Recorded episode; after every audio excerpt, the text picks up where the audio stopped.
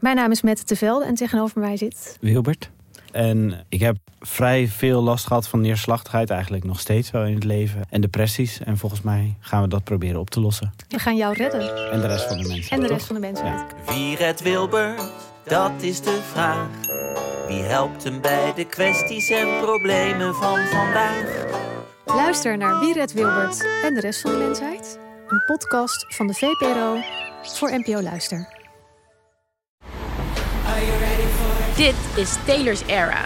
Annelot Prins en ik, Sophie Rutte-Frans, vertellen je in deze podcast wekelijks alles wat je moet weten over de allergrootste popster van dit moment, Taylor Swift. We bereiden je voor op de Eras Tour, bellen met Swifties voor live concertverslagen. Doorgronden de roddels en geruchten en proberen het fenomeen Taylor Swift beter te begrijpen.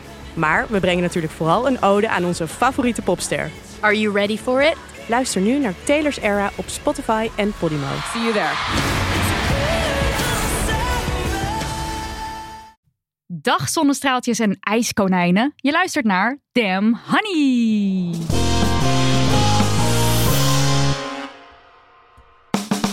De podcast over shit waar je als vrouw van deze tijd mee moet dealen. Mijn naam is Nidia En ik ben Marilotte. en dit is aflevering 94, deel En vandaag de gast, Tweede Kamerlid voor GroenLinks, Kautar Bouchalikt. Activist in hart en nieren. Van jongs af aan stond ze al op de barricade. En vorig jaar werd ze met ruim 27.000 voorkeurstemmen de Tweede Kamer ingekozen. En daar zit ze nu om shit te fixen. En ze zet zich in voor een eerlijk groen, gelijkwaardig en zorgzaam Nederland. Strijdt voor klimaatrechtvaardigheid en verkiest hoop boven haat. En is het eerste Kamerlid in de fucking geschiedenis van Nederland dat een hoofddoek draagt. Het werd wel eens tijd. Welkom, Kautar. Zo joh, wat een intro. Ik moet er helemaal van blozen joh. Nou, sorry, maar dit is echt nog maar dit, van wat jij ja. allemaal in jouw leven gedaan hebt. Want er is ook een boek en je hebt allerlei marsen en stakingen georganiseerd. En in commissies en laks en weet ik veel Eerst wat stond allemaal dat gedaan. allemaal erin. Toen dacht ik, Oh, nee, joh, dat kan joh, niet. Ik word hier sprakeloos van. Hè? Dan gaan we de rest van de podcast ga ik hier zitten blozen. Heel goed, Dat, Dat is oké. Dat is helemaal oké. Dank jullie wel. Mooie intro.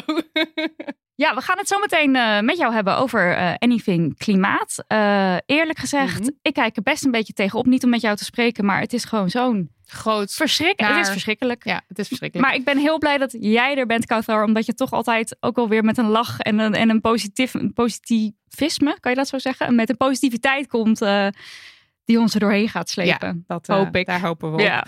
Voordat we in de ellende duiken, doen we eerst eventjes eh, onze rubriek eh, De Femimist in. Eh, dus eh, Nidia, aan jou de vraag. Hoe ging jij onlangs De Femimist in? Nou, wij, eh Marilotte en ik, wij zwemmen elke dag. En dat doen we buiten op een steiger. Dus in principe kan iedereen daar eh, naartoe. Of kan daarbij aanwezig zijn. En dat is eigenlijk altijd hartstikke leuk. Maar gisteren verscheen er opeens tijdens het zwemmen een man op het eh, bankje. Wat dan zo uitkijkt over het water. En ik had er al een beetje een rare vibe bij. Hij was een beetje zo naar ons aan het kijken. Maar goed, wij gewoon doorzwemmen. En ik ging er eh, uit. Toen zag ik hem al kijken. En toen ehm, pakte hij dus zijn camera. En eerst was hij gewoon recht vooruit aan het filmen. Maar zodra Marilotte aanstalten maakte om via het trappetje naar buiten te Of, Eh, nou, de- de uit te het water, ja. pende zo die camera zo richting Marilotte om haar te filmen. eh, terwijl ze bikini. eruit, in bikini terwijl ze eruit stapte. En ehm, eh, toen zei ik tegen jou, tegen Marilotte van nou, eh, wacht maar met eruit gaan. Ik ga je jas wel pakken. Maar ik heb dus niks tegen die man gezegd. Nee. En dat vind ik dus jammer van mezelf. Want ik ga dan weer tegen jou zeggen dat jij je moet gaan bedekken. En dat jij snel je jas aan moet doen. En we zijn ook meteen weggefietst. Wat ook gewoon helemaal prima is. Want dat is dan ook even, je hebt de situatie, daar moet je mee dealen. Dit was dan hoe we ermee omgingen. Maar ik dacht toch, waarom zeg ik niet gewoon tegen die man... Sorry, wat bent u aan het doen? Wilt u haar niet filmen? Ja. Want zo moeilijk was het niet om dat te vragen. Nee, en ik heb ook niks gezegd. Ik had het eerlijk gezegd ook niet helemaal door. Je hebt het daarna wel goed gemaakt. Want toen liepen we, denk ik, twee uur later liepen we over straat. En toen verrekte een man bijna zijn nek. Omdat hij naar mijn kont wilde kijken. En toen riep ze, kijk zien! Ja, maar toen dacht ik, nu ga ik wat zeggen ook. Ja, en mijn reactie was, Oh. ja, ik ben dit wel gewend tegenwoordig. Want ik werd, eh, wat is het, een uur eerder ook al geachtervolgd. Ja, ik weet niet wat het, ik weet wel wat het is. Maar het is meer, ik ben erg gewend dat mannen het nodig vinden om te laten merken dat ze graag naar me kijken of zo. Op een vervelende manier. Ja. Dus mijn reactie is eh, nu, eh, ik ben het wel gewend. Dat is ook niet helemaal eh, feministisch. Heb jij nog een feminist uitgesproken, Marilot? Ja, ehm, om alvast even in de klimaatsferen te komen. Ehm, ik, weet dat vlees eten niet goed is. Ik eet ook weinig vlees, maar ik eet het nog wel af en toe. En mijn uh, zwakte is steak tartaar. En ik ging eergisteren met een vriendin uit eten en uh, ik uh, zag steak tartaar op het menu staan en ik dacht, ik ga ervoor, ik doe het. En ik nam het en het was het heerlijk. Klimaat. Het was, fuck het klimaat! nee, ja, dat gaat Als het wel. misgaat is het nu allemaal jouw schuld, hè? Ja. Het steak. dat begrijp En je.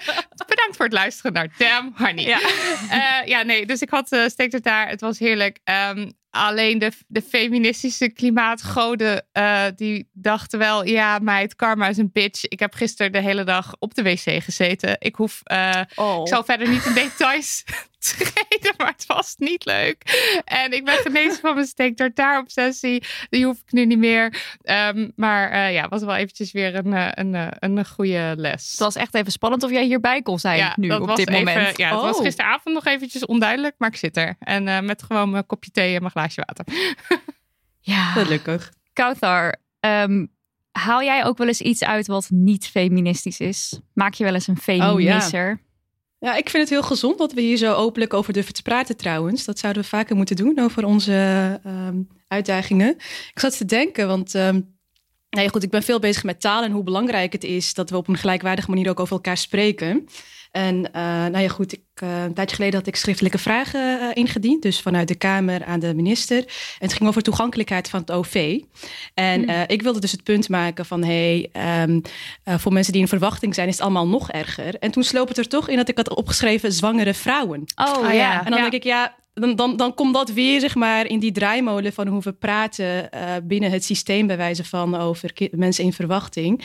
En dan voel ik toch de verantwoordelijkheid om dat wel sowieso te wijzigen, maar ook uh, om daarmee te, hopelijk een beetje te kantelen, uh, hoe we hierover praten. Ja. Maar goed, dat moet je dan maar net aan denken. Ja. Want het zit er best wel diep in. En dat besef ik ook wel op zulke momenten. Ja, goeie. Dus, goeie. nou ja, goed. Ook genoeg missers van mijn kant. En heel fijn om dan op elkaar te kunnen reageren en scherp te houden. Ja, ja, ja, zo zie ik het ook. De, de feminisme. Tijd voor post. Tijd voor post. Ja, voor post. Post. post.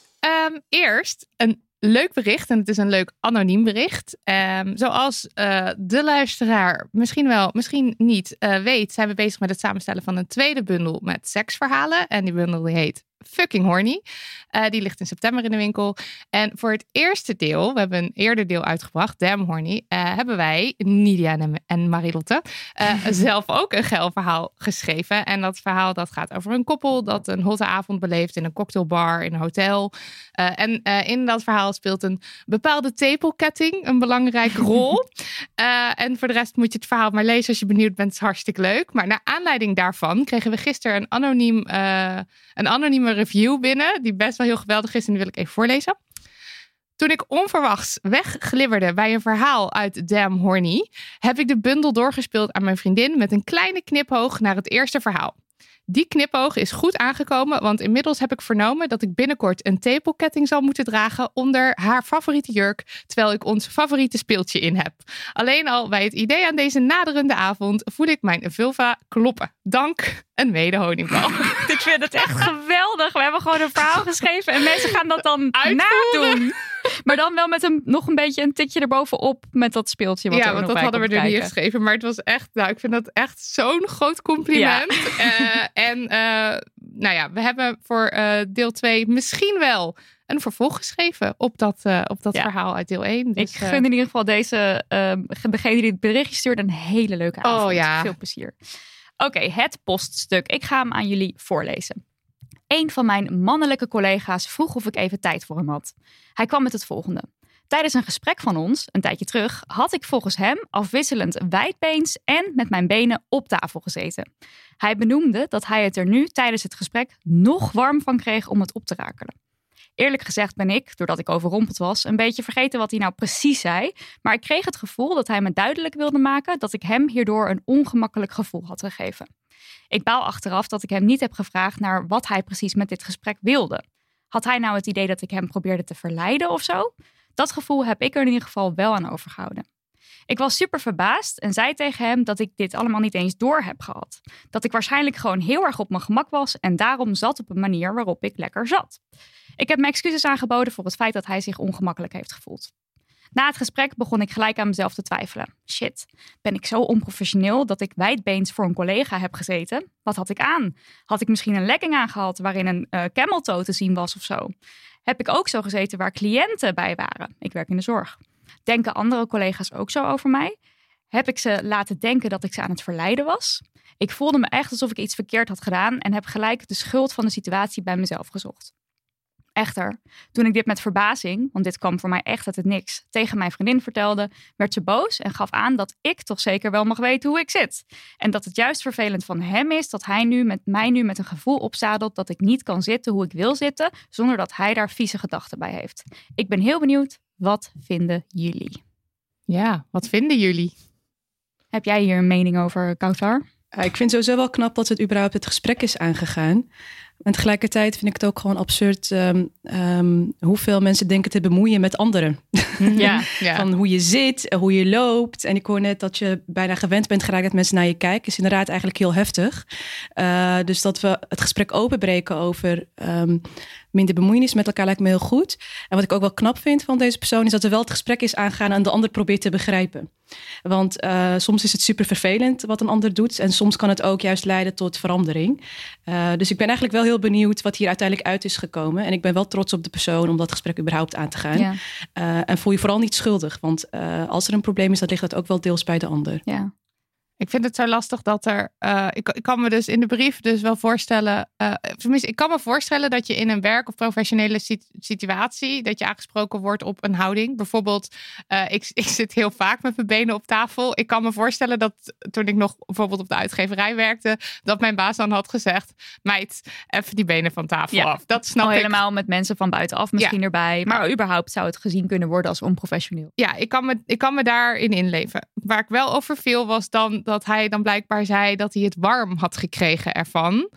Uh, want daar, daar zit die seksuele lading uh, van, uh, van man spreekt vrouw aan op dat ze zich fatsoenlijk moet gedragen omdat hij er anders last van heeft, want hij kijkt, bekijkt haar seksueel. En dat is wel echt het punt waar ik heel erg over val en waar ik, waarin ik het ook heel erg eens ben met, met haar vriendin. Dat dat niet oké is. Ja, sowieso. Ik, ik moest ook eraan denken dat ik heb uh, ook wel op een kantoor gewerkt en natuurlijk ook wel eens in zakelijke omgevingen ben ik geweest. Hoeveel mannen zitten wel niet wijdbeens? Ja. Gewoon altijd. Dat is toch helemaal, er wordt geen enkele seksuele lading aangegeven. Dat is gewoon hoe ze zitten. En als een vrouw dan wijdbeens zit, dan is het blijkbaar verleidelijk. I don't know, man. Ik vond het heel Misschien raar. als je een kort rokje onder, uh, aan hebt waar je niks onder aan hebt en een soort van basic instinct ja. move maakt. Dat is die film waarin ze zo heel obvious. Maar anders zit je toch gewoon. Ja, ga toch weg. En dat dat dan al gezien wordt als iemand verleiden. Ik vind dat wel weer echt dat ik denk, nou. En ik vind het echt wel sad dat ze met zo'n ongemakkelijk gevoel bleef zitten Ja. daarna. Want kijk, hij kan zeggen, je gaf mij een ongemakkelijk gevoel, kunnen we even praten. Maar uiteindelijk schuift hij dat ongemakkelijke gevoel gewoon over op haar. Um, en onterecht ook. Ik bedoel, uh, tenminste op de manier waarop ik hem nu lees, hoe hij het heeft ingestoken. Ja, ik weet niet. En ze zegt uh, dat ze er achteraf van baalt uh, dat ze niet doorgevraagd heeft. Dus ik dacht, is het misschien nog een idee om dan alsnog een keertje met hem te praten? Maar ik kan me ook voorstellen dat je dat niet wil. Ja, om dan toch nog eens te zeggen van, hé, hey, het ging een beetje snel allemaal. Ik was erg overrompeld, maar kan je nog één keer uitleggen wat, wat je nou zo. Wat precies nou het probleem was? Kan. Ja, het kan. Ja. Goed, lastige situatie. Jammer dat het allemaal meteen weer in dat seksuele getrokken moet worden door Ja. deze collega. Erg jammer. Het is weer die tijd van de maand. Ik bedoel van deze aflevering. Sponsortijd. Maar zo te horen ga jij het weer eens hebben over bloed. Ik heb het al heel lang niet over bloed gehad. Dus nu neem ik het ervan. Ik ga ervoor zitten. Vertel. Oké. Ik word, zoals men wel weet, loeilaaiend ongesteld. Elke godvergeten maand weer. Het schijnt inderdaad iets te zijn wat terugkomt. Ja, terugkerend is. Elke maand weer, ja. Ja, breek me de bek niet open. Uh, en bij mij komt er uh, elke maand weer heel erg veel bloed om de hoek koekeloeren. En wel zoveel dat het mijn leven echt wel beïnvloedt. Echt van jongs af aan. En uh, het is niet een kwestie bij mij van een tamponnetje erin en uh, jodela hi, jodela ja. Ja, jij hebt echt verhalen dat je de, de stoel van je huisgenoot geruineerd had met bloed. En dat Ja. je allemaal handdoeken moest neerleggen s'nachts. En dan dat de volgende ochtend weer allemaal moet opruimen. En ik weet het allemaal niet, maar het is een drama bij jou. Het is logistiek, technisch en allemaal, het is allemaal een drama. Ehm, maar no more, want eh, sinds menstruatieondergoed in mijn leven is, eh, is dat eh, helemaal anders. En eh, dan heb ik het specifiek over het menstruatieondergoed van Snuggs. Even zonder dolle. Mhm. Het is niet gewoon anders, maar het is voor jou life-changing. Ja, het is echt, it changed the whole game, de whole menstruation game. Eh, want nu gebruik ik naast mijn menstruatiecup ook menstruatieonderbroeken. En ik ben echt al in geen tijden doorgelekt. Als in, dat is gewoon niet meer iets wat gebeurt. En er zullen nu mensen luisteren en denken, ja, oké, waar heb je het over? Maar doorlekken was voor mij echt onderdeel van mijn menstruatiedeal. En echt een heel stressvol onderdeel. Maar hoe werkt dit dan, dat ondergoed? Oké, mens, het is een onderbroek. Het is gewoon een onderbroek. Een doodnormaal ogende onderbroek die ondertussen dus mega absorberende superkrachten heeft en waar je dus gewoon in kan bloeden. Ehm, je hebt ze voor de lichtere dagen, die weet ik veel tot een tampon of zo opnemen, maar je hebt ook exemplaren die wel tot eh, vier tampons opnemen. Oh, dat is wel echt veel, ja. Het is echt best wel veel en ze zitten hartstikke comfortabel. Ze zijn lekker high waist, sommige, andere niet. Er zijn heel veel modellen. Het lekt niet, het stinkt niet en na het dragen spoel je ze even uit in koud water en eh, kun je ze gewoon meewassen met een normale was. Ik zou zeggen, probeer het. Ja, Ja. ik kan het alleen maar van harte heel erg aanraden. Wij mogen korting weggeven, Mhm. heb ik begrepen. Dus ga naar eh, snugs.nl, dat is S-N-U-G-G-S.nl. En gebruik de promocode DAMNHONEY voor 15% korting. En deze code geldt tot en met 19 juni. Alarm, alarm, toet, toet, piep, piep. Tot en met 19 juni. Snugs.nl.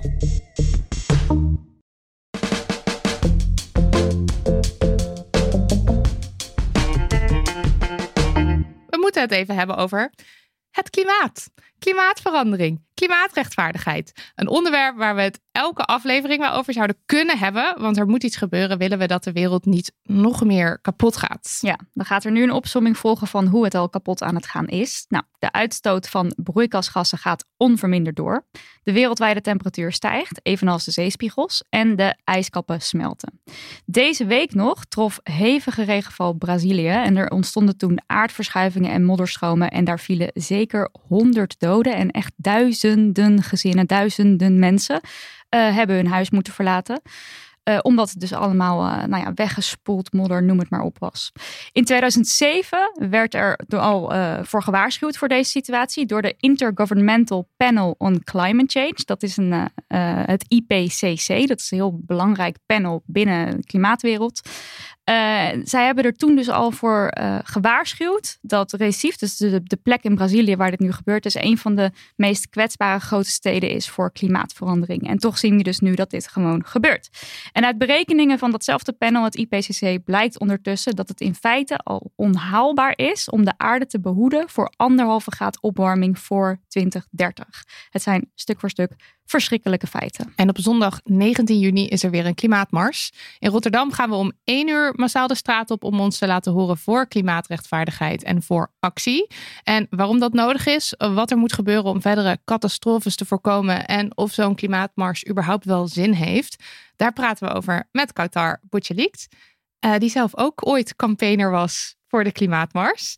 Ehm, dus oké, Kautar, tel eens, hoe staan we ervoor uh, uh, klimaatwise? klimaatverandering-wise. Oh joh. Ja. Nee, het is echt uh, afschuwelijk. Laat, laat ik dat uh, vooropstellen. Want ik Ja. hoorde net in de intro dat er hopelijk ook wat positiviteit van mijn kant komt. En dat probeer ik ook wel altijd te houden. Maar ik schiep er eerlijk gezegd ook vaak tussen hoop en wanhoop. Ja. Uh, want aan de ene kant, uh, ik zie inderdaad ook al die uh, krantenberichten en ik lees al die stukken. En um, wat mij ook het meest raakt vaak is inderdaad als we het gaan hebben over mensen. Want als we het hebben over ijskappen en CO2 en dergelijke, dat kan nog heel abstract klinken. En ver Dus weg. ik vond ook mooi wel dat je aangaf. Ja, precies. Ik vond ook mooi dat je wel zei van hé, hey, mensen hebben hun huizen moeten verlaten. Er zijn mensen overleden. Dus het is echt real al. Ja. Uh, de klimaatcrisis is er al. Um, en tegelijkertijd denk ik ook van um, om uit wanhoop dan maar niks te doen en het maar te laten gebeuren. Um, dat vind ik ook niet kunnen. Uh, omdat ik wel heel erg geloof in verantwoordelijkheid nemen. Uh, op welke manier dan ook. Dus of het nou gaat om bewuster eten. Of dat politiek inzetten uiteindelijk om die systeemverandering uh, te fixen. volgens mij moeten we dat allemaal met z'n allen blijven proberen. Ja. En dat IPCC, wat in het intro al voorbij komt, dat is dus een soort panel dat samengesteld is door de Verenigde Naties, wat zich dus bezighoudt met klimaat en kennis delen. Zij hebben onlangs een rapport weer gedeeld, wat wat, wat, wat komt daar dan uit uit zo'n rapport? Of wat, wat zeggen zij dan? Weet je niet, ja, eerlijk gezegd heb ik zoiets van: we weten meer dan genoeg. Ja. ja. het is echt al shit. Dus we kunnen echt over. Ik, ik, ik kan best over duizend rapporten praten. Maar wat voor mij wel opvalt nu, is dat uh, wetenschappers. Ik zag laatst ook uh, uh, op Twitter een wetenschapper die zei: Ja, ik heb al zoveel onderzocht en ik heb zoveel al proberen te vertellen. ik ga nu ook gewoon de straat op. Ja. Um, Weet je wel van hoeveel moeten we nog weten? Shit is real. En wat wel keer op keer blijkt is, um, even dan meer wat uh, samengevat is, um, we hebben nog heel weinig tijd ja. om de grote veranderingen te maken die nodig zijn om te voorkomen dat het echt helemaal uit de hand loopt. Ja. Ja. Uh, want nu gaat het soort van geleidelijk, maar als we uh, een bepaalde graad bereiken, dat we te veel in temperatuur zijn gestegen, dan kom je in een soort achtbaan terecht. En wat we nu aan het proberen zijn, is voorkomen dat we in die achtbaan terechtkomen. Dus we gaan het niet in één keer kunnen oplossen, uh, maar hopelijk wel um, dat superheftige proberen te voorkomen. En ik denk dat dat het belangrijkste is om te blijven onthouden uiteindelijk. Ja. Ja, want dat ik overal. Ja, want dat, de, de achtbaan waar je het over hebt. Ik, ik heb een, een, een, uh, een uitlegvideo van NOS gekeken. En daar hebben ze het dan over tipping points. Dat er, uh, Precies, dat er een, ja. zo'n punt is waar de aarde dan zo danig opgewarmd is. Dat die, dat die dan eigenlijk zelf overneemt. En dat je dan. En dat, je dan dat, en dat willen we voorkomen. Maar ik lees wel overal dat de anderhalve graad die we. Uh, waar we onder willen blijven, dat dat dan al niet meer kan. Ja, en het is heel pijnlijk om dat te beseffen. Um, en ik voel ook heel veel. Uh, uh, uh, nou goed, als we kijken naar de klimaatmars en de generaties die nu het meest hiermee te maken hebben, dan denk ik, het is ook gewoon super oneerlijk. Uh, want wij moeten gewoon shit opruimen die eerder niet is gedaan. Uh, dat is generationeel oneerlijk. En wat ook heel veel gebeurt, is dat uh, landen en communities die hier zelf niet verantwoordelijk zijn geweest, ook weer het meest worden geraakt. Ja. dus ook als het gaat om die tipping points, als we kijken naar bijvoorbeeld de grote bossen, de Amazone en dergelijke, juist daar um, wordt door inheemse communities heel veel gedaan, eigenlijk al, omdat het hun way of life is. Ja. Om gewoon goed in eenheid met de natuur te werken en leven. Maar dat zijn dan juist weer de groepen die worden onderdrukt en weggejaagd. Ja. Dus het, het, gaat ook heel erg over social justice. Dus voor mij gaat het erom, ja, we moeten voorkomen dat we bij dat tipping point komen. Maar het gaat ook heel erg over uh, hoe gaan we als wereld met elkaar om uh, en wie nemen daarin wel en niet de verantwoordelijkheid. Dus Ja. voor mij is de klimaatcrisis eigenlijk een spiegel. Het is Ja. super erg, maar het laat ook zien dat we mensen en de planeet uitbuiten. uh, profit above people. En ik denk, mwah, dat komt gewoon als een boemerang terug. Dus vandaar ook uh, dat de politiek uh, hierin voor mij heel belangrijk is om te proberen ook daar dingen te regelen. Ja. De, de hele crisis is natuurlijk ook gewoon veroorzaakt door rijke landen. Uh, ik dacht dat 1% uh, van de wereldbevolking twee keer meer CO2 uitstoot dan De rest. Nee, dan de armste helft. Oh ja, oké. Dus dat staat zo niet in verhouding. En het zijn vaak de rijke landen die um, nu nog, ja, je, als je nu in Nederland woont, nou Limburg is wel echt ook getroffen natuurlijk, maar je zou kunnen Mhm. denken, ah, ja joh, die klimaat, wat gebeurt er nou eigenlijk allemaal? Lekker weer toch buiten? Waar, waar hebben we het over? Ja, en dan kijk je dus heel erg binnen je eigen kleine wereldje en niet verder. Eh, maar ik vond het dus wel, ja, ik ben helemaal, ik ben heel erg geïnformeerd door dat film van de NOS. Ik ga hem ook in de show notes zetten, maar ik vond het dus heel erg Nice. Um, um, uh, inzichtelijk gemaakt hoe. Uh, want je, je kan heel erg denken: ja, oké, okay, maar wij doen dan nu in Nederland heel veel. Maar bijvoorbeeld China, daar zijn ze dan bezig met uitstoot. Maar in dat filmpje wordt ook dan duidelijk van: ja, oké, okay, maar. Europa en Amerika zijn na de industrie, industriële revolutie vanaf 1850 heel rijk geworden en hebben heel veel CO2 in de wereld gepompt. En landen zoals China en India, die dan misschien nu als vervuilend gezien worden, die komen net kijken. Die komen echt net kijken. En dat, Ja. dat is denk ik heel belangrijk om te beseffen, is dat je ook je verantwoordelijkheid moet nemen als uh, land dat rijk is geworden. En dat jij wel dus ook je, je zooi op moet ruimen. Ja. Precies, precies. Mm. En weet je wat ik pijnlijk vind? Um, je noemt specifiek India bijvoorbeeld, want daar verscheen ook de laatste tijd vaak uh, nieuws over dat daar zeg maar de temperaturen Ja. zo hoog zijn, al nu al, Ja. dat er niet valt te leven. Ja. En dan denk ik soms, dan zie ik mensen hier klagen over dat ze niet meer mogen barbecuen, van oh ze pakken alles af. Ja. Dan denk ik, ja, I Pakken don't we know. alles af? Maar bovendien is het ook nog zo, het wordt niet eens afgepakt. Want je zou nog kunnen zeggen, pakten we het maar af. Ja. Maar we moeten wel Ja, kunnen nee, blijven echt, barbecuen. uh, Ja, nee. Maar, dat, ja, maar dan noemen we wel vega barbecue. Dan denk ik, ja, kom op. denk alsjeblieft een beetje verder uh, en kijk ook naar de rest van de wereld. Ja, ja. Um, jij uh, je hebt een intersectionele aanpak als je het hebt over uh, ja. de klimaatcrisis. Kan je eens uitleggen wat je daarmee bedoelt? Ja, een van mijn grote inspiratiebronnen, of tenminste sowieso het uh, zwart Amerikaans feminisme, is voor mij heel um, um, vormend ook geweest in mijn ontwikkeling. En Audre Lorde, die zegt het heel mooi. Die zegt, um, Um, there is no such thing as a single issue because we don't live single issue lives. Um, dus uh, klimaat gaat over kleur, klimaat gaat over gender, het gaat over je portemonnee. We hadden het net heel even al over hoe bepaalde uh, landen meer worden geraakt dan andere. Dus het gaat ook over geschiedenis en over hoe uh, landen anderen hebben onderdrukt. Maar het gaat ook heel concreet over ons portemonnee. We zien nu bijvoorbeeld in Nederland energiearmoede. Ja. Mm. Mensen die gewoon niet hun eh, rekening meer kunnen betalen. Uh, terwijl ondertussen grote bedrijven en grote vervuilers, die komen er helemaal mee weg. En die hebben ook genoeg geld om lekker zeg maar, te blijven stoken en uit te stoten. Uh, terwijl de mens die eigenlijk um, met moeite rond kan komen en misschien daarom op een um, vervuilende manier stookt, die wordt heel erg aangesproken. Van ja, jij zet ja. even de verwarming lager. Ja. Dan denk ik, ja, dat, tuurlijk, we hebben allemaal verantwoordelijkheid, ook als individu. Maar als ik kijk vanuit het systeem, is het niet eerlijk dat we zeg maar constant zeggen: een beter milieu begint bij jezelf. Terwijl grote vervuilers, ik bedoel, Shell is nog steeds koninklijk. Sorry hoor. Ja, ja, dat is ja. En dan moet ik mijn verwarming lager uh, draaien, omdat Shell. En again, het is super belangrijk. Ik ben ook wel, ik vind het goed dat we met z'n allen inderdaad wel de verwarming lager draaien. Dus het individuele heeft zeker effect. Dus laten we inderdaad uh, geen vlees meer eten en de verwarming laag draaien en dergelijke. Maar laten we niet doen alsof de verantwoordelijkheid strikt bij het individu ligt. Ja. Want dat leidt af van eigenlijk dat we die grote bedrijven moeten aanpakken. Dus dit gaat ook weer over. Um, Um, uh, wie worden geraakt en wie niet. Uh, welke portemonnees worden gepakt. Uh, kleur. nou ja, goed, we hebben het net heel even ook gehad over India, waar heel veel mensen worden geraakt. Brazilië werd net ook al verteld, waar veel mensen hebben moeten vluchten. Um, dus het maakt ook heel erg uit waar je woont, waar je wordt geraakt of wie je bent. En gender, wat ik zelf ook heel interessant vind daaraan, is als je kijkt naar. Um, politieke besluitvorming, maar ook wie eigenlijk het meest dragen. Uh, vooral als het gaat uh, in landen op het zuidelijk halfrond, zijn toch weer vrouwen. Ja. Terwijl die het minst weer vertegenwoordigd zijn in politieke besluitvorming. Um, dus dan heb je ook weer zeg maar wel de meeste shit moeten opruimen, maar het minst toegelaten worden tot de plekken van macht om daarover mee te kunnen beslissen. En op, en op welke manier worden vrouwen dan, even om het concreet te maken, vrouwen dan geraakt? Het meest, als je kijkt naar gender? Nou, je ziet in uh, communities in het zuidelijke halfrond dat daar dus vooral vrouwen uiteindelijk uh, degene zijn die uh, met oplossingen moeten komen voor lokale vraagstukken. Dus droogte, het sterven van dieren. Dus die zijn heel veel bezig met voedselproductie. En die moeten dan ook daarvoor gaan opdraaien. Water halen, heel concreet.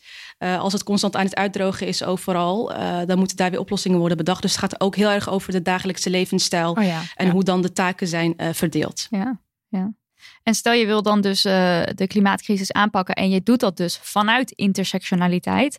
Aan wat voor een oplossingen moeten we dan denken of wat voor een aanpak? Um, een hele concrete is de grote vervuiler laten betalen. Uh, dus ik noemde net heel even Shell, uh, Tata Steel. Dat is een hele grote fabriek hier in Nederland... die echt verantwoordelijk is voor heel, heel, heel veel uitstoot. Ja. En het frustreert mij ontzettend dat ik dan vanuit de Kamer... daar iets aan probeer te doen. Maar als je dan constant tegen allerlei muren aanloopt. Uh, dus er wordt wel op een soort van erkend eindelijk van... oh, er is een klimaat vraagstuk. Volgens sommige partijen wat gewoon crisis is.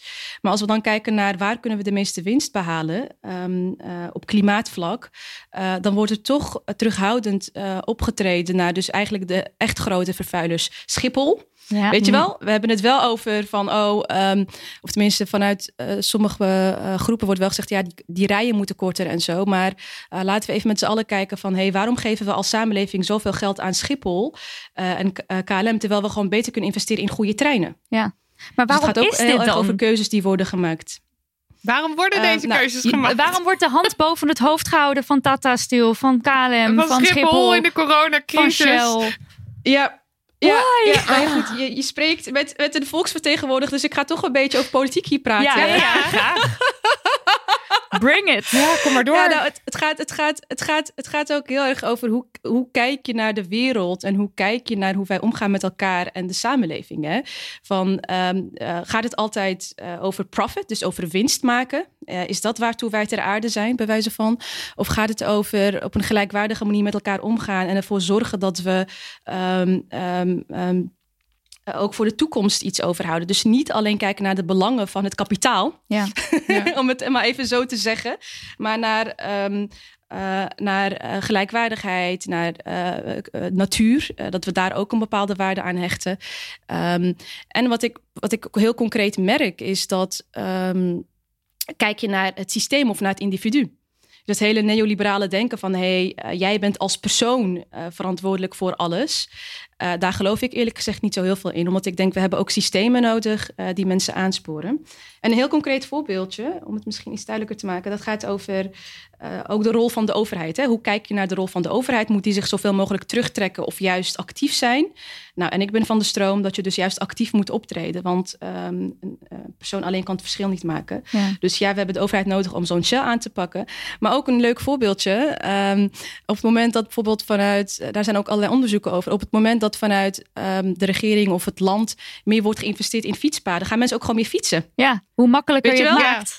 En dat is helemaal Ja, niet een betuttelend, precies. bemoeierig iets. Dat is Nee. gewoon, hier zijn fietspaden. Alsjeblieft. Ja, Kijk maar wat je ermee doet. Veilig Precies. maken, ja. Precies, precies. In plaats van zeggen, oh jij, jij als individu moet eh, de juiste keuze maken eh, eh, en het alleen bij het individu neerleggen. Terwijl je zegt van, hé hey, kijk, je kan ook met de trein, wij gaan de trein voor jou fixen. Wij gaan gewoon goede treinverbindingen regelen.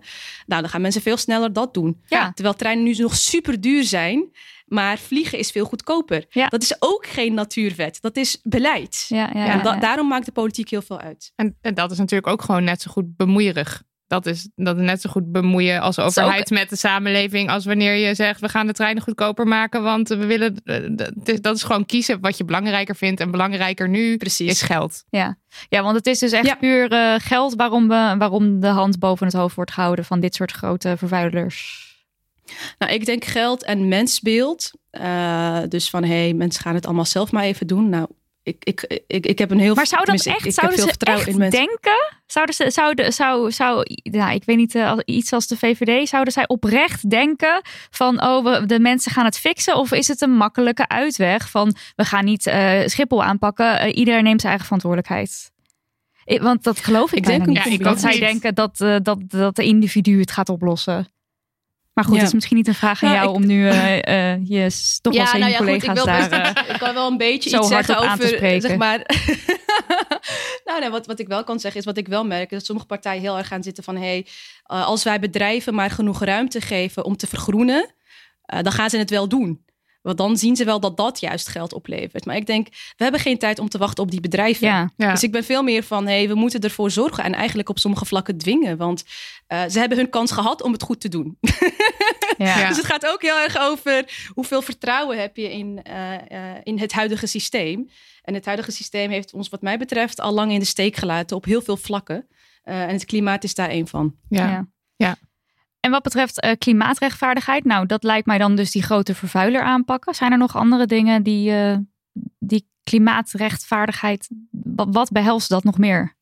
Ja, ja dus ik inderdaad de grote vervuiler aanpakken. Ehm, waar het mij ook om gaat is ehm, ehm, verantwoordelijkheid nemen voor eh, het leed wat is aangedaan. We hadden het heel even over geschiedenis, hè, over het verleden, over de industriële revolutie en zo.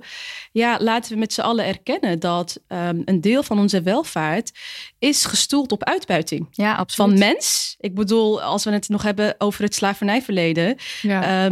Eh, f- eh, dat wordt nog niet eens op een nette manier erkend nog. Eh, dus het gaat heel erg over eh, als samenleving, als natie, ehm, eh, in de spiegel durven kijken en zeggen: Oké, we hebben echt shit verkeerd gedaan. En we gaan dit nu anders doen. Ja. Eh, en een, een van de gevolgen daarvan, of de ehm, eh, praktische dingen die je dan kan doen, is inderdaad die vervuiler aanpakken. Maar ook kijken van, hé, hey, eh, wat kunnen we doen om, ehm, om de mensen in de Amazone op, op de juiste manier te helpen? En ja, eerlijk zijn ook. Het, het, het is niet makkelijk. Nee. Dus ook tegen de Nederlandse bevolking zeggen van, ja, sorry, we zitten in de shit. Gewoon Ja. eerlijk zijn. Ja. Weet je, Ja. soms denk ik, ja, het, het is gewoon crisis. En ik denk ook, eh, als, we hadden het net over zeg maar, politiek en dergelijke. Ik denk, wat ik soms een beetje jammer vind, is in de politiek gaat het soms ook over, zeg maar, eh, welk verhaal spreekt veel mensen aan? Ja. Weet je wel? En, en zeggen van, hé, hey, we zitten in de shit, we moeten echt iets gaan doen. en om als individu gaat daar ook iets... is niet leuk om te Nee, horen. nee. En, en je voelt je misschien aangesproken. En je denkt, ja, maar ik als persoon heb toch niet direct iets gedaan. En dat kan heel erg kloppen. Ehm, en wat het lastige is dat veel, eh, dus een deel is ideologie, maar een deel is denk ik ook dat we met z'n allen dit soort dingen niet durven te zeggen. Want ja, dan krijg je misschien niet de stemmen. Weet je wel? Ja. Terwijl ik denk, ja, dit hebben we nodig. We moeten eerlijk kunnen zijn. We moeten kunnen zeggen, hé, hey, eh, we gaan ons best doen om dit te fixen. Maar het betekent inderdaad ook dat bepaalde dingen eh, wat moeilijker gaan worden. Ja. Ehm, zonder weer helemaal te verdwijnen in de doemscenario's. Want wat ik net zeg, als we de grote vervuilers echt aanpakken, daar zit ook geld. Ja. En met dat geld kunnen we onze treinen fixen. Ja, ja, ja. Ja. Ja, tuurlijk. Dus voor mij gaat het zeg maar, principieel dat we zeg maar, die grote vervuilers moeten aanpakken en verantwoordelijkheid moeten nemen. Maar ook eh, over kasverschuivingen. Want dan hebben we gewoon meer geld om andere dingen te doen. Eh, en dan kan het wat makkelijker worden voor de burger.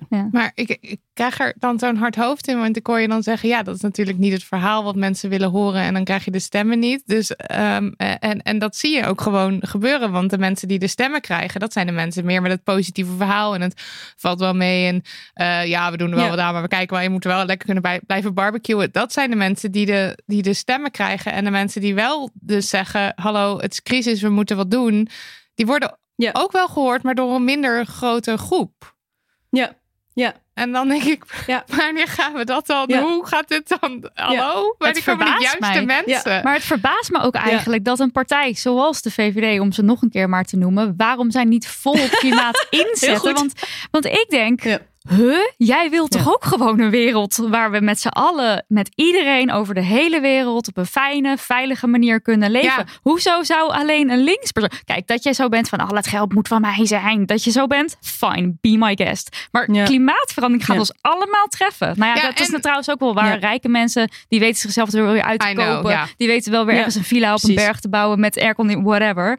Dus dat is ook niet Of zelfs waar. vliegen naar de ruimte en daar gaan leven, Ja, weet je wel. ja, ja, ja, rijke mensen redden het wel. Maar ik zou gewoon ook, ook als, als, als VVD... Ik, zeg maar, ik vind het altijd stom als zeggen... ja, ik heb nu ook kinderen en ik wil denken aan mijn kinderen... want dan maak je het weer zo over jezelf. Maar er zijn Ja, toch zat mensen met kinderen... die gewoon graag willen dat niet over tien jaar de wereld een kutplek is om te Zou leven. Want denken. over tien jaar gaan ze heus nog niet naar de ruimte. Nee. Eh, ik, Sowieso, als er al mensen naar de ruimte Ja. gaan, hoeveel zouden dat er zijn? I know, ja. Oké, ehm, maar we, we zijn dus nog wel op tijd om het kei te, tijd te keren. We hebben heel weinig tijd, maar Weinig, maar, het is er. het is ook ook. wel iets wat ik, me heel, wat, wat ik heel graag wil blijven geloven. Ja, nee, heel goed. maar eh, nee, er is, het, het, het kan nog, laat ik het zo zeggen. Maar het is inderdaad... eh, En wat moeten we dan? Wat, moet, Wat moet er- wat moet want er zeg doen? maar, oké, de vervuiler aanpakken. En dan bedoelen we zeggen, we moeten sancties leggen. Of moeten we zeggen, dit mag je niet langer, deze uitstoot mag je niet langer eh, uit, uitstoten. Of waar moet ik concreet denken? Ja, ja. Nou, dat is één ding. En ik wilde nog heel even terugkomen op wat net werd gezegd over eh, eh, eh, hoe zorgen we de, over het hard hoofd. Ja, ja, ja. het punt wat daaruit uitkwam. Want ik wilde nog even dan terugkomen daarop. Omdat ik, ehm, kijk, ik, ik ben heel erg uit het activisme gekomen en de klimaatbeweging. En ehm, eh, wat ik daar ontzettend belangrijk in vind, is die verandering. ehm, eh, die komt zeg maar ook vanuit de samenleving en grassroots. Ja. Dus ik doe keihard mijn best om nu zeg maar vanuit het systeem eh, dingen te veranderen. Of het nou gaat om die fietspaden of die eh, milieucriminelen dan aan te pakken. Dus de grote vervuilers. Maar wat ik ook echt wel heb meegemaakt en heb gezien is op zeg maar eh, op lokaal niveau, om het zo maar te zeggen. Of gewoon de mensen om je heen. eh, ontstaan ook echt mooie dingen. Dus activisten die met heel veel mensen met elkaar in gesprek gaan. Ehm het intersectionele wat steeds meer komt. Van, oh ja, wacht even. We hebben in Nederland best wel lang, of tenminste, de klimaatbeweging is best wel wit. Uh, toen ik er nog in zat, was dat ook nog heel erg aan de orde. En ik vind het heel mooi om te zien dat uh, dat steeds meer aan het veranderen is. Dat bijvoorbeeld uh, Extension Rebellion, die hadden laatst bij het Sche Scheepvaartmuseum, hebben ze zo'n dat schip daar geblokkeerd precies over dat kruisverband van hey, Nederlandse rijkdom is gebouwd op uitbuiting van anderen. Ja. En laten we daarmee stoppen. Weet je wel? En, en een van de eerste vragen die jullie net stelden was: hoe hou je dan die hoop en positieve daarin? Is, ik zie wel, dus ik zie heel veel zeg maar lelijke dingen op, op dat ik denk van: oh my gosh, waarom is dit ooit zo bedacht? Weet je wel? En dan moet je dat gaan repareren. Maar ik zie ook dat er vanuit de samenleving steeds meer wordt gezien, ervaren. ehm, dat al die dingen met elkaar samenhangen. Dus ik geloof ook wel dat hoe groter die groep wordt, hoe meer dat zich gaat vertalen naar uiteindelijk eh, wat er op andere niveaus gebeurt. Ja. Uh, maar dat is echt wel um, aan de ene kant iets wat heel veel tijd, energie kost. En aan de andere kant ook weer precies die hoop geeft, uh, die we denk ik met z'n allen ook nodig hebben. Ja. dus ook Ja. dat soort momenten vieren en daarbij stilstaan. Ja. Uh, zonder dat we precies weten van, oh, morgen is het gefixt. Ja. Want dat weten we niet. En er waren natuurlijk ook wel een aantal ehm, grote winsten. Want, want Shell die heeft een, een belangrijke rechtszaak verloren ehm, eh, Ja. recent nog. En, eh, en, en, de- en de Nederlandse staat is ook eh, verplicht door de rechter om de Urgenda-doelen te halen. Dat zijn wel ook dingen in het rechtssysteem en in gewoon het systeem waarvan Maar ik dan denk dat gebeurt dan. Wat gebeurt geval. er dan als ze het niet halen? Want we hebben het dus niet gehaald afgelopen jaar. En dan? Ja, weet ik niet. Dat vraag ik me, dus, dat vraag ik me dan dus af. Worden mensen dan voor het gerecht? Moeten de mensen dan in de gevangenis? Hier, hier, de Nederlandse uitstoot van broeikasgassen in 21 was weer hoger dan in het voorgaande jaar. Daarmee is het agendadoel voor de vermindering van de CO2-uitstoot met 15% niet gehaald. Ja, wat zijn dan de in gevolgen? 2020 lukte dit nipt. Ja, door de corona. Dat denk ik. Ja, Maar goed, ja precies. ja. ja. dus dan denk ik zo'n Ja. rechtszaak, ja, oké, top. Maar dan ben ik ook wel benieuwd wat dan volgt. Ja, dat is toch pijnlijk, hè? Ja. Ja? Want dan denk ik, ja, we hebben allemaal systemen ingericht. Ehm, ik bedoel, ik heb soms ook moties die dan niet helemaal worden uitgevoerd zoals ik ze had bedoeld. Oh, ja, ja, ja nou ja. Ja. Ja, Ja, dus ja, dat is ook gewoon het eerlijke verhaal wat ik net ook zei. Van ja, we hebben een rechtsstaat en, en, en we hebben een zorgplicht en we hebben verantwoordelijkheid. Ehm, en tegelijkertijd is het soms ook gewoon even tegen muren aanlopen en dan op een andere manier opnieuw proberen. ja. En politiek is Ehm, natuurlijk ook botsen en samen dan tot een compromis komen. Terwijl compromissen missen, daar is misschien helemaal geen ruimte eigenlijk meer voor. Maar ja, er is ook maar Ja. zoveel wat je dan eh, kan doen aan de groene linker.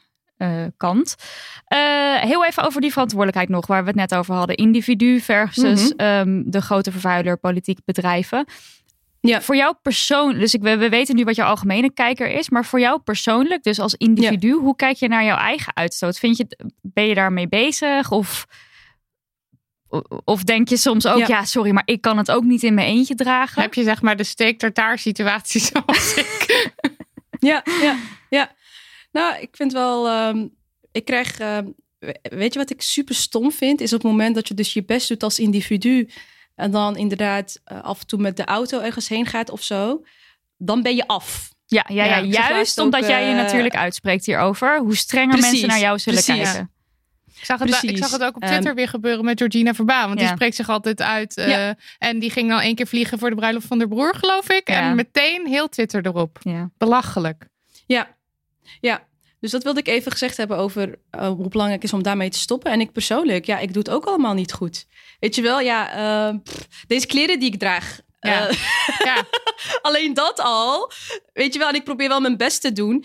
ehm, om, dus wel bewust te shoppen, om bewust te eten, om ehm, ehm, eh, zoveel mogelijk het OV te gebruiken. Ehm, maar ook hiervoor geldt, en dat bedoelde ik net ook met waarom het systeemverandering zo belangrijk is. Kijk, op het moment dat je dus. eh, en daarom werken we dus ook, of tenminste, daarom vind ik het belangrijk dat, dat gewoon mensen fatsoenlijk betalen, zeg maar. Mhm. Want dan heb je gewoon meer geld om ook kleren te kopen Ja. die duurzaam zijn Ja, en niet door ehm, onderdrukking zijn gemaakt. Ja. Dus dat bedoelde ik met intersectionaliteit ook, dus portemonnees. Sorry, maar als jij gewoon minimumloon eh, verdient en je werkt keihard, je hebt geen tijd, dan kan ik jou niet kwalijk nemen dat jij koopt bij een kledingketen die in Bangladesh mensen aan het onderdrukken is. Precies. Ja. Dat is super heftig Ja. en ik vind het afschuwelijk, maar ik, ik snap het. Ja, Weet je, ja, ik kan ja. niet van jou vragen om een duurzaam shirt te kopen van 200 euro. eh, terwijl je je maand niet rondkomt. Ja, Eh, nee. En dat zijn dus ook weer politieke keuzes die worden gemaakt. Van, weet je wel, constant van minimumloon eh, is niet goed. Eh, mensen moeten keihard werken. Arbeidsvoorwaarden zijn niet goed. Dus nou ja, goed, daarom dat ik heel erg geloof in zowel klimaat aanpakken als algemene ongelijkheid. Want daarmee maak je ook het verschil. En dan als individu denk ik wel, ja, sorry, die ene, die, een, die miljonairs die moeten we gewoon keihard aanpakken. Ja, zeker. Dus die moeten als individu een verantwoordelijkheid nemen, weet je wel. Ja. Ja. Ehm, dus Maar er zit lijkt me ook zo- verschil wat mij betreft in persoon. Ja, maar het lijkt me zo lastig omdat jij je dan over klimaat uitspreekt en zo'n ja, zo bekend figuur bent in Nederland. En het is een, een, een, een sector waarop je dus zelf persoonlijk hele kleine dingen kan, keuzes kan maken. Maar stel bijvoorbeeld je collega die, doet- die zet zich in voor de jeugdzorg. Die hoeft niet in Ja. diens dagelijkse leven na te denken over de keuzes rondom de jeugdzorg. Die dan Ja. wel of niet. Terwijl ja, je, wordt, een soort- je hebt al een vet, vet groot, belangrijk, heftig probleem eh, waar je je mee bezighoudt. En dan heb je Ja. eigenlijk ook nog dat individuele waar je ook nog op aangaat. Maar ook gewoon Ja. voor jezelf persoonlijk. Want Ja, want je, Als je hebt mezelf- met een schuldgevoel. dat is het ja. Als ik naar mezelf Ja, kijk, het, het aangesproken worden is één ding. Maar dat, dat word ik eigenlijk nauwelijks. Maar ook gewoon het gevoel bij jezelf. Het is, het is Ja. veel spanning of stress of een soort... De, de, het is Is zo. zo'n emotioneel groot Maar- onderwerp. En ook dat ik, dat ik er een beetje voor ongelijk kan worden. Want dan denk ik, ja, ik kan wel hier zo gezellig de hele tijd eh, niet vliegen. Maar ik zie ondertussen al mijn vrienden wel gaan, bijvoorbeeld. ja, dat ook. En daar kan Ja. ik echt wel, en dat vind ik dan. Dat vind ik dan echt een geprivilegeerd kutprobleem van mezelf. Maar het is wel zo, dat, dat speelt ook mee. En ja, ik weet niet, de wereld precies. is gewoon, eh, zeg maar, ja, het kapitalisme. Maar het is ook, eh, zeg maar, status en reputatie en zo. Dat zijn dan ook allemaal belangrijke dingen. Ook als je het hebt over Ja. kleding kopen. Ik kan mensen ook niet kwalijk nemen als ze bij een bepaalde keten kopen. Want het is ook de hele tijd, zeg maar, je wordt bijvoorbeeld ook heel erg aangerekend op wat jij draagt. eh, en hoe je Ja, eruit ziet. precies. En Ja. dat, zeg maar, wat je koopt en wat je hebt en hoe je eruit ziet. Daar, dat, daar, daar lezen mensen ook heel veel aan af. Of er worden allemaal conclusies over je Ja. getrokken. Ja, nou ja, dat gebeurt bij jou natuurlijk ook. Precies. Met Ja. de kledingkeuzes. Dan even los ja. van eh, of het dan Ja. wel of niet eh, duurzaam is. Maar ook Ja. gewoon überhaupt je looks. Ja.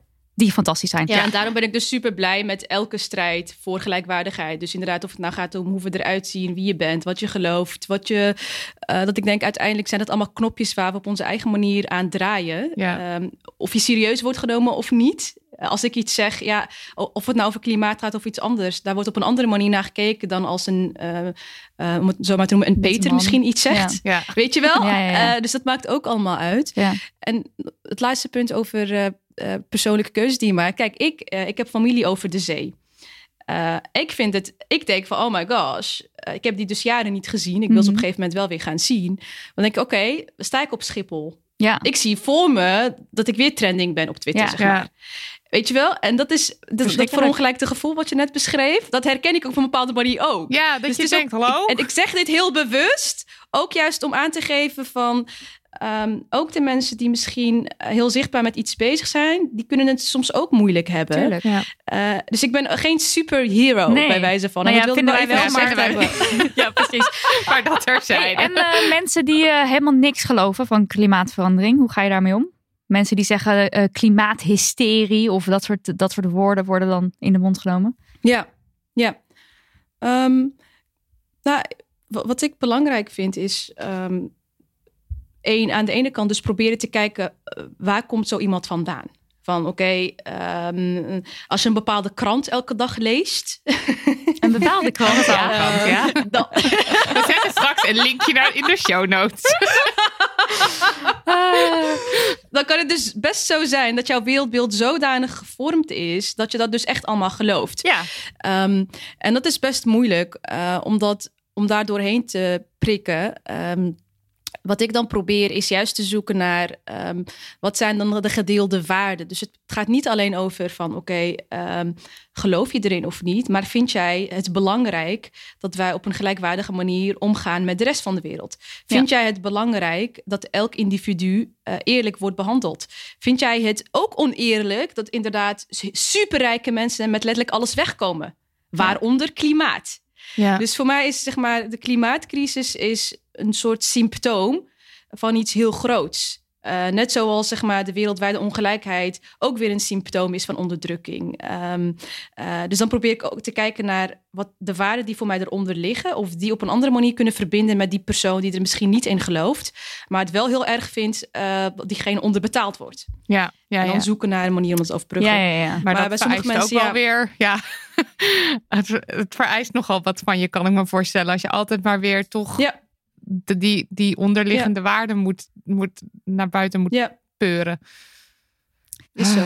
Ik kan ehm, ehm, ook best wel, nou ja, maar heel machteloos en onverschillig voelen door alle berichtgeving. Omdat er het probleem is zo groot. Zeg maar, ik, ik had het net Ja. over dat filmpje van NOS. Ik heb dat bewust niet gekeken. En ik heb ook, ik, ik lees soms ook echt berichten over het klimaat niet. Omdat ik er gewoon, ehm, nou ja, eh, er echt heel angstig van word of kan worden.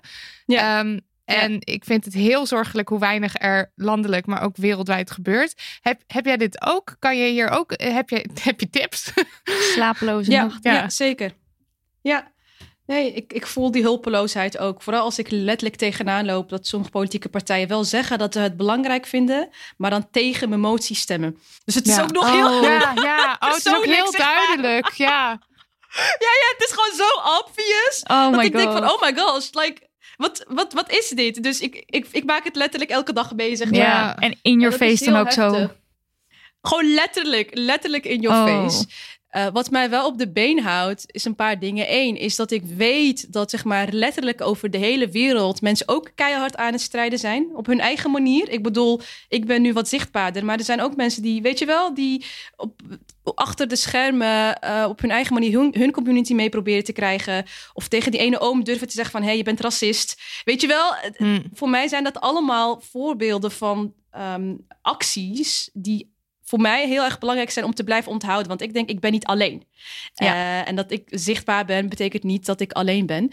Dat is één ding wat mij op de benen houdt. Het tweede gaat voor mij ook meer over... ehm, ehm, ik geloof dat mijn handelen... Kijk, wat ik belangrijk vind, is ik denk, als ik doodga... Hoe wil ik terugkijken op mijn leven? Hm, mhm.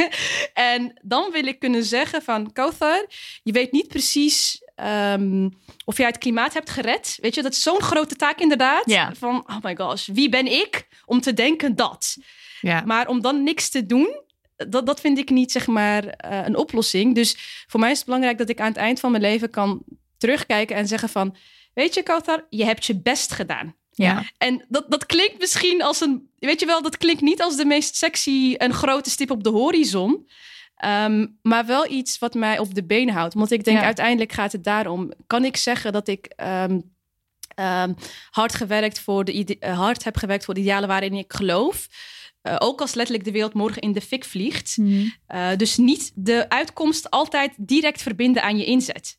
Ja. Want het is zo groot Ja. dat ik niet weet of die ene vlucht nou net het verschil heeft gemaakt. Maar ik weet wel dat ik die persoonlijke afweging heb gemaakt en mijn best heb gedaan. Ja, dus hierin is dan zeg maar wat je individueel doet wel belangrijk, omdat ja, je, je bent gewoon de enige. Jij, niemand anders is verantwoordelijk voor jou, dus jij moet dan. Ja, daar maak je dan keuzes in, maar Ja. je weet wat je, wat je normen waarden zijn. daarin. Ja.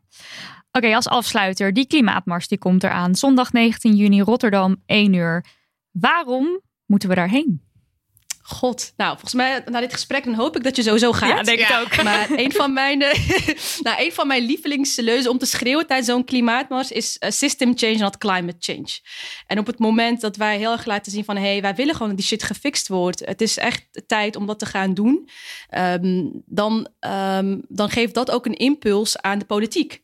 Dat helpt mij letterlijk eh, de volgende maandag om te zeggen van kijk, dit Ja. is wat Nederland wil. Bij wijze van. Ja, ja, ja. Dat is meer op, op dat niveau, zeg maar, politiek samenleving. Twee gaat heel erg ook over. Voor mij zijn klima klimaatmars, maar ook demonstraties en ook de Women's March en alle andere demo's, zijn voor mij ook healing. Want dan sta ik daar en dan kijk ik om me heen Ja, en dan denk ik, Ja. hebben we toch weer geflikt. samen. we staan er ja. toch. En dat had ik heel erg bij die ene demo waar het ook nog keihard regende. Ja. Ik dacht, het is letterlijk maar die had jij mee shit. helpen organiseren, toch? 2019 ja, was precies, dat. wat doe ja. ik hier?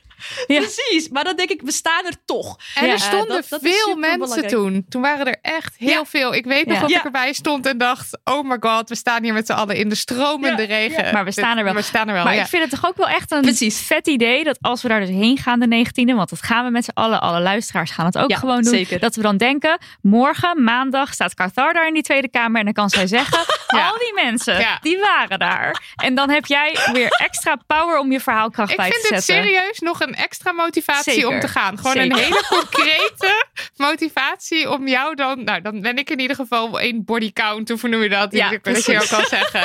eh, eh, zij stonden daar. Ja, we gaan, we gaan met z'n gaan. allen. Dus eh, ja, ga. Dit was aflevering 94, deel A. dankjewel Kauthar dat je wilde aanschuiven, dat je tijd wilde maken. Maar sowieso bedankt voor alles wat je doet. Je bent wel degelijk Oh. onze superheld. Dat is echt zo. Oh, jullie zijn echt super lief. Nou, bedankt voor de edit, Daniel van de Poppen. Bedankt voor de jingles, Lucas de Gier. En bedankt voor de website, Lisbeth Smit. En nieuw toegevoegd aan dit rijtje, bedankt Amber Script voor de hulp bij het maken van de transcripten. Ja, dan hebben we ook nog een paar menselijke transcripters die ik in het zonnetje wil zetten. Eh, dat zijn namelijk Imke, Hanna, Marten, Melissa, Hanne, Marjolein, Mireille, Jasmijn en Rikke. Dankjewel voor het uittypen van de afgelopen aflevering. Post kan naar info.damhoney.nl. Altijd leuk als je een vraag voor ons hebt of een leuk bericht. Kan je nou niet genoeg van ons krijgen? Wat ik me heel goed voor kan stellen. Dat je gewoon geen genoeg van ons kan krijgen. Dan kan je ons steunen op petje.af slash damhoney. Vanaf 1 euro per maand krijg je toegang tot onze tweewekelijkse kletsafleveringen. En die zijn hartstikke exclusief. Echt alleen maar voor de donateurs. Eh, je krijgt de Damn Honey ringtone. Je krijgt toegang tot de Telegram Honey groep. Eh, we doen winacties. Het is echt een en al leuks. Dus Ja. kom erbij. Het kan niet op. Nou, maar je kan er ook eh, voor kiezen om dit alles eh, lekker niet te doen. Zelf weten. Doei. Dag.